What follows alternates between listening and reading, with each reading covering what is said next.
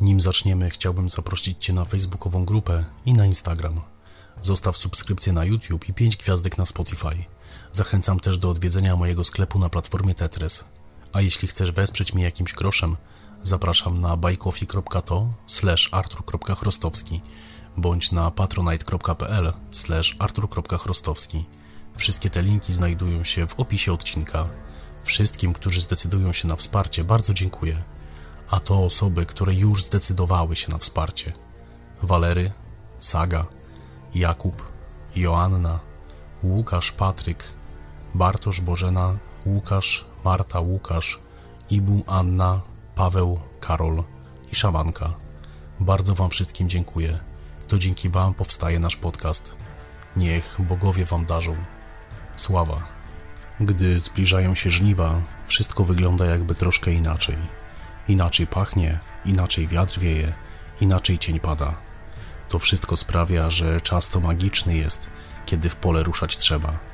A wiedzieć ci potrzeba, że aby plony dobre były i obfite, nie tylko przychylność bogów potrzebna, nie tylko praca ciężka, nie tylko pogoda dobra, lecz i inne stworzenia udobruchać trzeba. A wiele było takich, na które tego czasu trzeba było szczególnie uwagę zwracać. Zapewne wiesz o istnieniu południcy. Kiedyś już o niej wspominałem. Demon to parszywy, bo na życie ludzkie czyha łotrzyca, a biada temu, kto jej się nawinie pod jęzor. Ale czy tylko ona taka była, co na rolników czyhała? Co życie ludziom odbierała? Co litości nad nikim nie miała? Był i ten, o którym opowiem Ci dziś. Jednak jego rola nie zawsze była taka prosta do odczytania.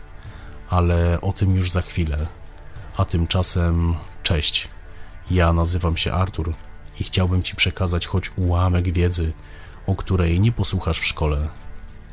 Ten, o którym chcę dziś Ci opowiedzieć, niejedno nosił imię. Polewik, Polewoj, Polowy, Dziadek Polowy czy Diabeł Polny. Jednak kogo pod tymi imionami można było spotkać? Cóż za tajemniczą postać kryje imię Polewik? Kim on jest? Ano, już śpieszę tłumaczyć. Polewik to proszę Ciebie starszy jegomość, który nie wyższy jest niż żyto, a na twarzy jego próżno zarostu szukać, bo jego miejsce zastąpiły kłosy. Pan to taki, co w polach mieszka i tam dom swój ma. Choć dom to chyba trochę słowo na wyrost, bo słusznie by ująć, że posesję ma tam, bo śpi i nocuje w przypolnych grotach, kamieniach czy jamach. Przechadza się w dzień pomiędzy i dogląda pola, a dba on nadzwyczaj o swe włości, więc lepiej mu nie wchodzić w spór, bo tedy i on niczym południca wściekły staje się, a gada się po wsiach, że jeno pijaków nie trawi, że drażnią go strasznie i na nerwy działają, a jak spotka w polu takiego, a najczęściej w południe bądź pod wieczór, to raczej nieprędko jegomość taki do domu powróci, bo polewie i kumie pokazać swą złość. Co mogło spotkać kogoś, kto trafił w złe miejsce o złym czasie? Polewik potrafił kogoś tak wyprowadzić w pole, i to tym razem w przenośni, że ten nie do końca świadomy tego, gdzie idzie, nie zważał, że teren nieznajomy przed nim. Szedł i szedł, aż docierał tak daleko, że do domu nie sposób samemu wrócić było.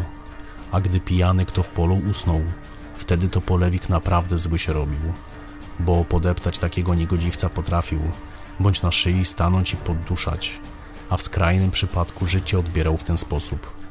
Jak widzisz, nie tylko południca miała zapędy do zabijania rolników w czasie żniw, a był ktoś jeszcze jej podobny.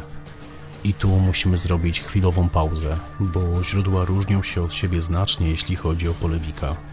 Pokazałem Ci część jego historii, jego demonicznej natury. Teraz pora na drugą.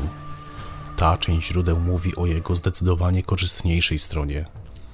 Bo to nie o demonie mówić będziemy, a o bożku, o opiekunie czy o strażniku, o kimś zdecydowanie pozytywniejszym niż demon. A było to tak. Podania głoszą, że polewik niejeno istniał, by pracujących ludzi grozą napełniać, lecz by strzec upraw i dbać o nie, by rosły piękne i obfite, a w interesie rolników byłoby żyć z nim w zgodzie.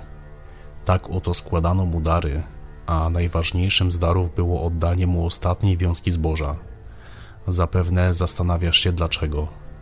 Kiedy to na pole z sierpami wchodzono, polewik umykać musiał przed ich ostrzami, aż do samego końca i ostatniego z nich. Tam oto chował się, a chłopy wiedząc o tym, taką to wiązankę szczególnie szanowali, bo wiedzieli, że kto polewika zabije, bądź nie ugości na zimę, tego nieurodzaj czeka poważny.